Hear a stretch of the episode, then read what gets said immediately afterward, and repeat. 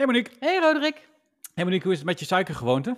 Nou, uh, ik weet niet wat je bedoelt, maar als je bedoelt hoe gaat het met mijn gewoonte om minder suiker te eten, hmm, vallen en opstaan die nieuwe gewoonte. En daar gaan we het vandaag eens over hebben, over gewoontes.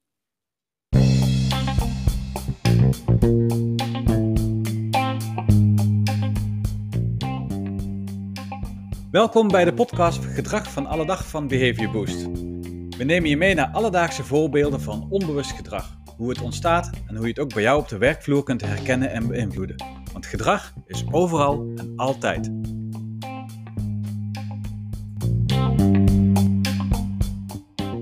Monique, vertel eens. Ik voel, ik voel iets. Nou, wat je voelt is mijn, uh, mijn streven om suiker wat meer uit mijn dagelijkse voedingspatronen te verbannen. Maar ik merk dat dat nog best wel lastig is. De eerste dag vol goede moed uh, gaan we even doen.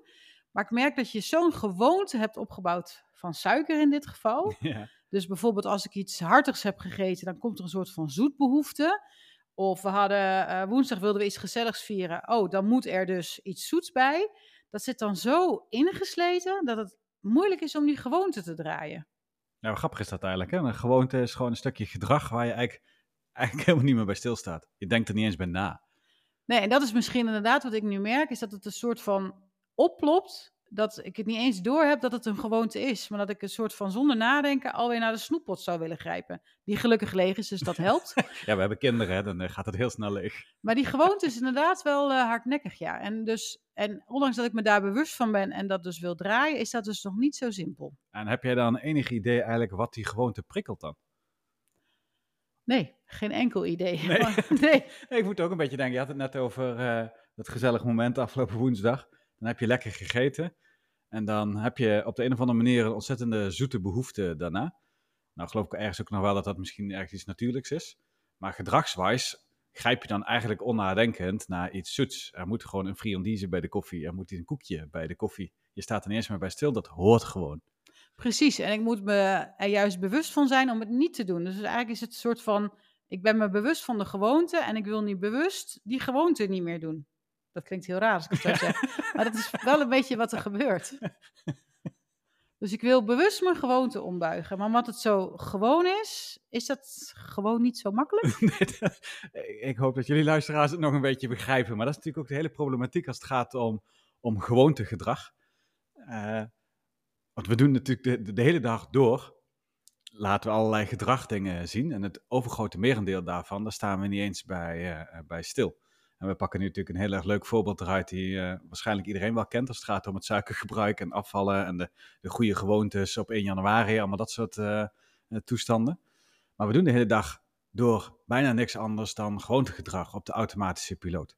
En dat maakt het soms dus ook zo verdomde lastig, want je komt er dan wel eens achter inderdaad je gewoontes hebt. Het koekje bij de koffie. En dat je dan op een gegeven moment tot slotsom komt, hé, hey, dit werkt niet. dit wil ik anders gaan doen. En dat maakt het zo moeilijk bij gewoontes, omdat je eigenlijk helemaal niet bewust bent van, maar wanneer laat ik die gewoonte nou eigenlijk zien? Uh, maakt het dus ook zo moeilijk om dat te veranderen. Ja, en ik was natuurlijk in de loop van deze podcast, hè, want we proberen natuurlijk altijd een beetje te bedenken, hé, waar gaan we het over hebben? En dan ga je jezelf een beetje inlezen of uh, kijken van wat weet ik eigenlijk over ook, dit onderwerp. Ook dat is een gewoonte geworden. Ook dat is een gewoonte, ja. Uh, en toen moest ik opeens terugdenken aan een boekje wat ik ooit heb gelezen, Who Moved My Cheese? En uh, dat is een, uh, een parabel en dat gaat over twee muizen en twee mensen. En het gaat dus letterlijk over kaas, over het eten van kaas. En ze zitten uh, bij een doolhof en de muizen vinden de weg naar een berg met kaas. Nou, muizen zijn echte gewoontedieren. Dus als zij eenmaal de weg naar de kaas hebben gevonden, dan leggen ze die weg telkens weer af. Ja. Omdat ze weten, daar is wat te vinden. Dat is ook waarom een muis in huis heel hardnekkig kan zijn.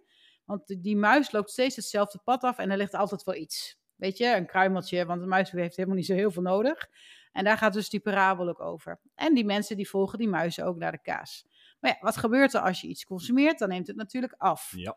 Nou ja, volgens het, uh, het verhaaltje uh, zijn de muizen zich daarvan bewust. Dus die weten op een gegeven moment is die berg is weg. Dus de gewoonte om van A naar B te lopen, uh, die houdt stand zolang die stand houdt.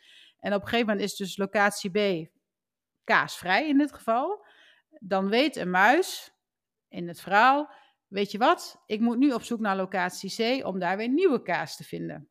Dus dat is een soort van een muis heeft een hardnekkige gewoonte, maar heeft ook een soort van bewustzijn, het is wel eindig. Dus er kan een moment komen dat die gewoonte niet meer voor me werkt, laat ik het dan zo uitdrukken. En dat weet hij al in het ophaalproces van de kaas.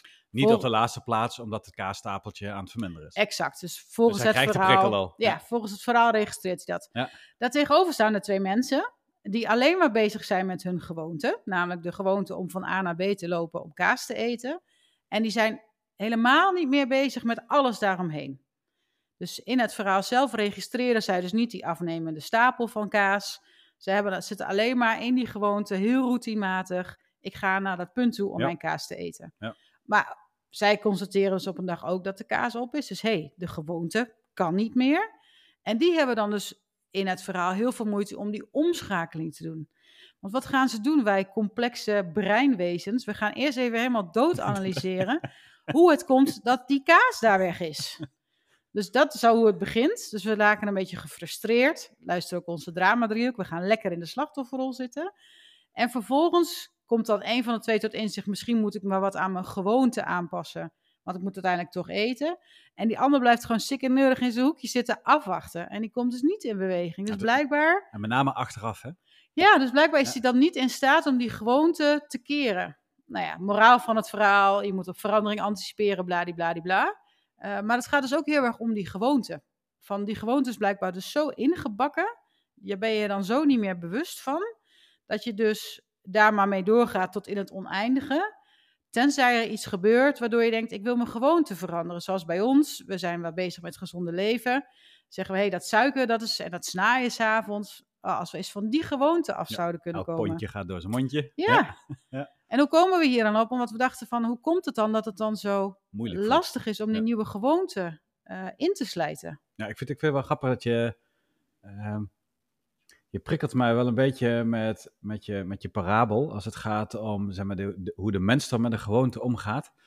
Die dan met name eigenlijk achteraf, als de kaasstapel op is, pas beseft, ik had iets moeten doen.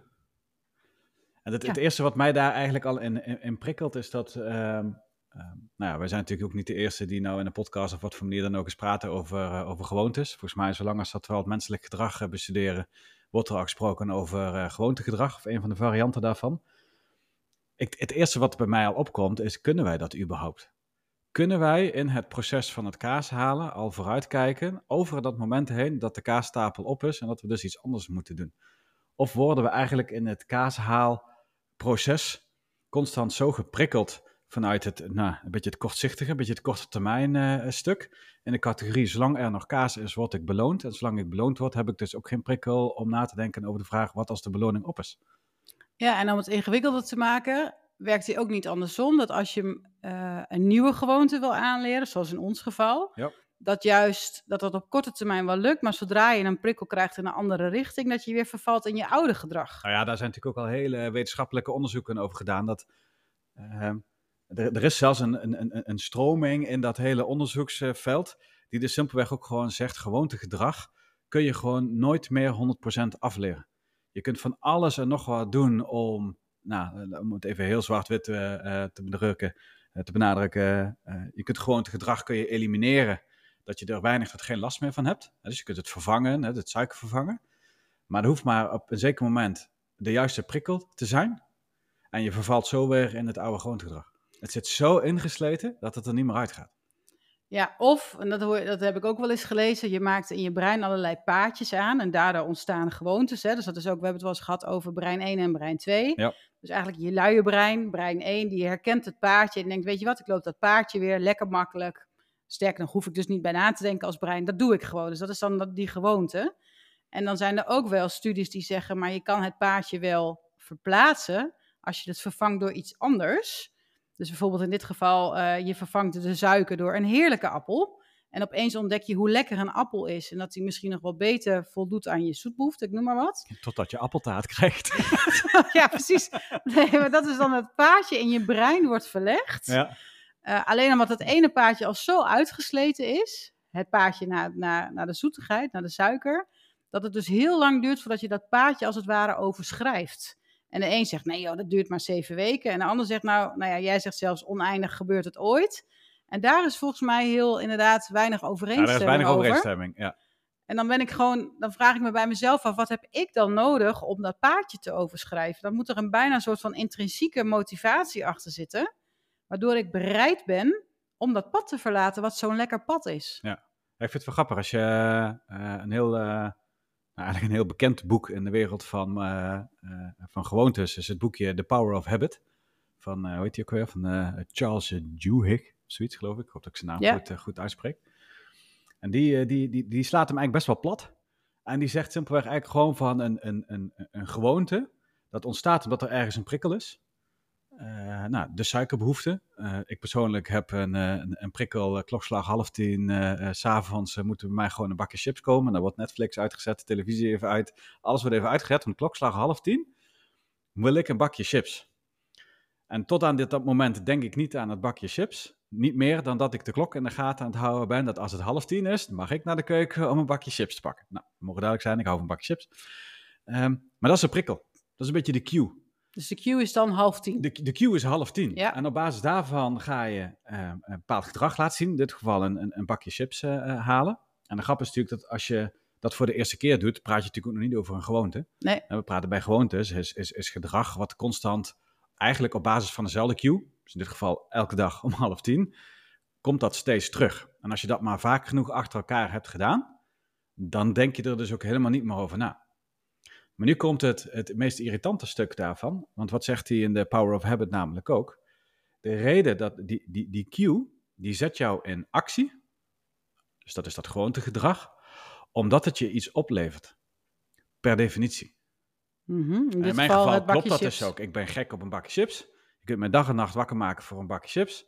Dus de cue half tien zorgt ervoor dat ik naar de keuken ga om een bakje chips pak. Want wat is dan de reward? Dat is dat lekkere, knesperige bakje chips wat ik krijg. Weet je, zo dat laatste dingetje wat je nog even eet voordat je naar bed gaat. Het ervan genieten. En daar hebben wij natuurlijk ook wel eens een keertje over gehad. Over de vraag van, ja, maar in hoeverre geniet je er dan ook echt van? Eh, maar het feit dat ik dat bakje chips dan weer heb en dan gewoon weer lekker op de bank ga zitten en Netflix weer start en weer lekker verder kunnen gaan, dat gezelligheidsaspect, de smaak, is rewarding genoeg om het de volgende dag ook weer te doen.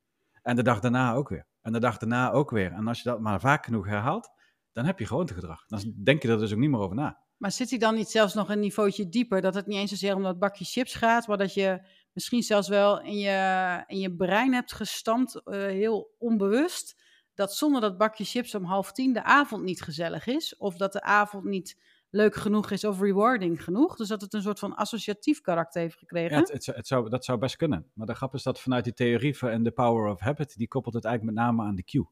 Dus die koppelt de beloning die je krijgt, koppelt die aan de cue. Ja, dus om half tien krijg ik mijn beloning. Nou, iedereen wil natuurlijk altijd een beloning hebben. Daar heb ik in een podcast ook al eens eerder over gehad. Je doet de dingen omdat je iets wil hebben.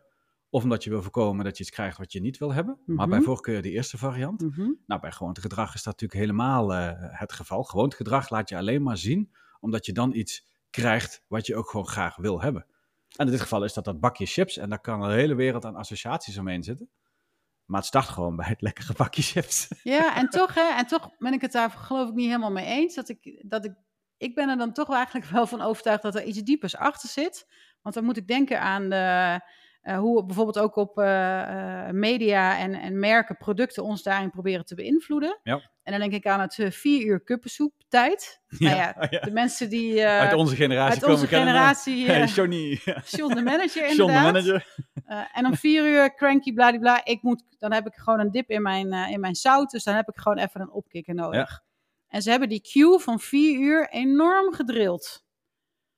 Sterker nog, als ik aan vier uur denk, denk ik aan kuppensoeptijd. Ja. En toch is het geen gewoonte van me geworden. Nee. Dus ondanks dat ik de queue snap, er, er ook bij om vier uur denk, oh, kuppensoeptijd, neem ik om vier uur eigenlijk nooit een kuppensoep. Ja. En waarschijnlijk omdat de reward dus van het kuppensoep niet de, de reward is waar ik naar op zoek ben. En misschien dat die, dat bakje chips dat dan wel voor jou is, dat zou kunnen. Maar ik denk dat daar misschien dan toch nog wel een soort van diepere behoefte achter ligt. En dat is eigenlijk zoals die cue van suiker als ik hem naar mezelf trek.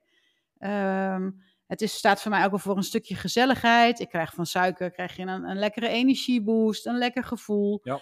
En dan is denk ik de truc om bij jezelf te bedenken... Hey, als ik dan dat gevoel naar boven wil halen... kan dat dan alleen maar met suiker? Of zijn er ook andere dingen? Ja, ik vind het wel grappig. Nou ja, maar, dat, maar, maar daar zit Waardoor ik dus, als ik daarachter kom, de gewoonte kan veranderen en het, de cue overeind kan houden. Na het eten wil ik, Ja. weet ik veel, een extensie van gezelligheid. Maar weet je wat, ik hoef het niet meer met suiker te doen, ik doe het met iets anders. Nee, maar dat geloof ik ook wel. Maar dat is volgens mij ook een beetje wat ik. eh, volgens mij is dat ook wat, wat, wat, hij, eh, eh, wat hij in The Power of Habit dus ook eigenlijk ook bedoelt.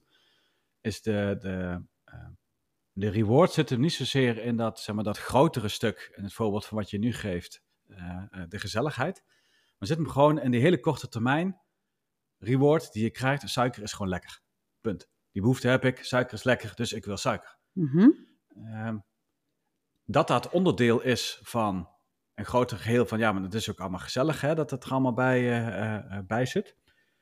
Die, die, die, die geloof ik ook wel, maar volgens mij de impact die dat grotere geheel heeft op je gewoonte is wat minder groot. Het gaat hem om die hele snelle reward. Want op het moment dat jij een suikerbehoefte hebt en je krijgt bijvoorbeeld in, het, wat is het, in, de wintermaanden krijg je een hele zoete mandarijn, dan voldoet dat ook in die suikerbehoefte.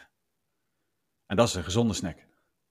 Maar de behoefte van, van, van suiker, in de gewoonte die je hebt om suiker te nemen, is een mandarijntje, kan dan ook goed genoeg zijn. Ja, en jullie zien ons nu niet, maar ik ben een beetje aan het fronsen. Dus ik kijk naar elkaar van, wat, wat zit je raar te fronsen? Ik ben me aan het afvragen, is dit inderdaad echt zo? Dus zou ik inderdaad eh, in die gewoonte van die korte termijn beloning, een mandarijn, de friandise, die jij zo mooi noemde, laten vervangen? En denk ik, nee, als ik echt, echt puur naar de gewoonte kijk, dan is een friandise echt een andere beleving dan een mandarijn. En daar zit dus voor mij dan toch weer die connectie met, maar is het dan die friandise of is het dat grotere? Daar hebben wij dus dan nu ja. een, een verschil van inzicht in. En dan denk ik pas als ik kan inzien dat het niet om de friandise gaat, maar om, nou ja, de gewoonte van iets zoets of de behoefte aan iets zoets, pas dan zie ik de oplossing van, oh, maar dat kan dus ook met een mandarijn. Snap je wat ik bedoel? Dus ik heb een soort van bewustwording nodig van, waarom heb ik die gewoonte eigenlijk? Wat probeer ik er eigenlijk mee te bereiken? Eigenlijk wat wij ook heel vaak de job to be done noemen. Hè? Dus Ja, het gaat niet ja. om dat korte termijn effect, maar wat levert het me in het algeheel op? Eh, om dan te zeggen van, hé, hey, maar kan ik dat ook op een andere manier doen? Ik snap wat je wilt. En dat doet me denken aan, aan iemand die, die zegt van, ik ben dol op chocoladetaart, maar ik weet als ik chocoladetaart eet, daar, kun, daar kan eigenlijk mijn eh, inwendige systeem kan daar niet zo goed tegen. Dus feitelijk lig ik er dan gewoon een, een dag af. Ja. Dus in het moment, ja, fantastisch, Heerlijk, ja. maar het effect daarna liever niet. En eigenlijk vanuit dus die korte termijn weegt ze af tegen de, noem het middellange termijn. En op dat moment besluit ze, nee, ik, ik- dat is me dat die korte termijn gewoonte, eh, beloning niet waard. En misschien is dat ook wel dan mijn eh, oplossing vanuit die suiker. Dat ik denk van ja, in het moment is dat dan heel lekker. Ik kan ook heel erg emotie eten. En dan kan ik zo een, een zak drop leeg eten. De emotie gaat er overigens niet van weg. Maar de gewoonte is, stop er maar zoet moment, ja, maar in Heb je moment, even een high, maar daarna heb ik er heel veel spijt van. Nee, maar daar zit, En daar heb zit ik er last van. Maar daar zit natuurlijk ook het hele interessante in en ook het lastige van de gewoontes in. Eh, en dat is niet omdat ik hier nou mijn gelijk wil halen, echt niet. Nou, Maar ik vind het wel een mooi voorbeeld die, ehm, eh, eh, die, die doe ik in, die zin wel een beetje onderstreept. Nee. Ehm, als het gaat even om het korte termijn stuk van gewoontes. Want het, het, het eten van suiker, als we er bewust over nadenken, weten we dat de, de, de, de middellange en lange termijn effecten van suiker eh, niet zo goed zijn voor je, voor je lijn en dat soort dingen allemaal. Maar in het korte moment waarin je even niet zo lekker voelt en die behoefte naar boven komt en je neemt dan een, een, een, hap suiker, in welke vorm dan ook, dan heeft dat in dat specifieke moment heeft dat een bevredigend gevoel. En dat maakt het dus ook zo lastig om het dan los te laten, want op het moment dat je de ratio eroverheen gooit en zegt eigenlijk van ja, maar dit is een gewoonte, dit is niet goed voor mijn lijf, dus ik moet daar vanaf, dan zijn we het rationeel dan wel met elkaar over eens.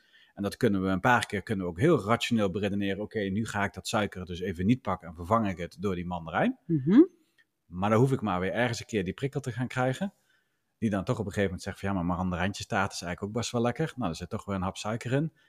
En je bent weer terug bij af. Het gaat volgens mij echt wel om dat korte stuk, korte termijn stuk. Maar zou ik hem dan zelfs zo mogen vertalen dat we zeggen: de gewoonte is met name emotie gedreven en als we eraf willen, moeten we onze ratio inschakelen? Is dat dan een beetje zwart-wit eh, hoe je dan een gewoonte zou kunnen keren door er dan rationeel naar te kijken en dan te zien hoe, wat, wat werkt er voor mij om die gewoonte te draaien? Nou ja, ik denk dat daar wel een kern van waarheid in zit. Want daar komt volgens mij namelijk ook het hele idee vandaan dat we op 1 januari allemaal met allemaal goede voornemens aan de slag moeten gaan.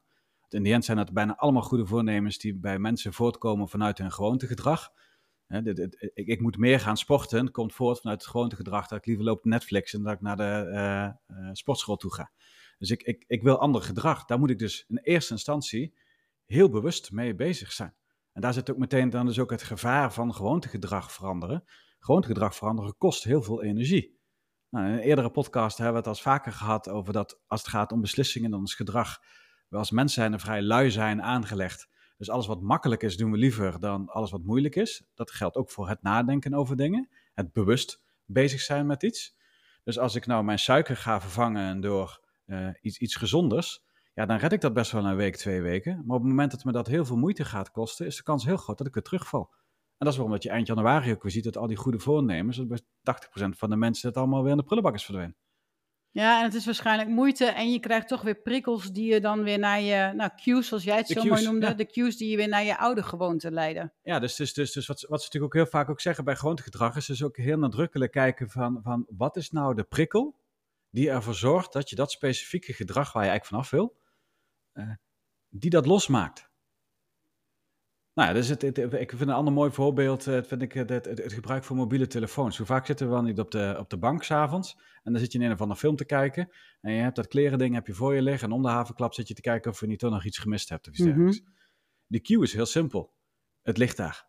Je ziet hem. Je hoeft maar even te knipperen met je ogen en je ziet je telefoon. En omdat dat ding toch al iets verslavends heeft, ga je hem toch oppakken om te kijken, heb ik niet iets gemist. Ja, Dus de hele simplistische cue, en dat is maar één van de vele voorbeelden hoor, maar de hele simplistische cue is dus ervoor zorgen dat die telefoon dus niet in het zicht ligt. Dus in plaats van dat hij in, op de woonkamer op de woonkamertafel ligt, leggen we hem op de eetkamertafel in de eetkamer.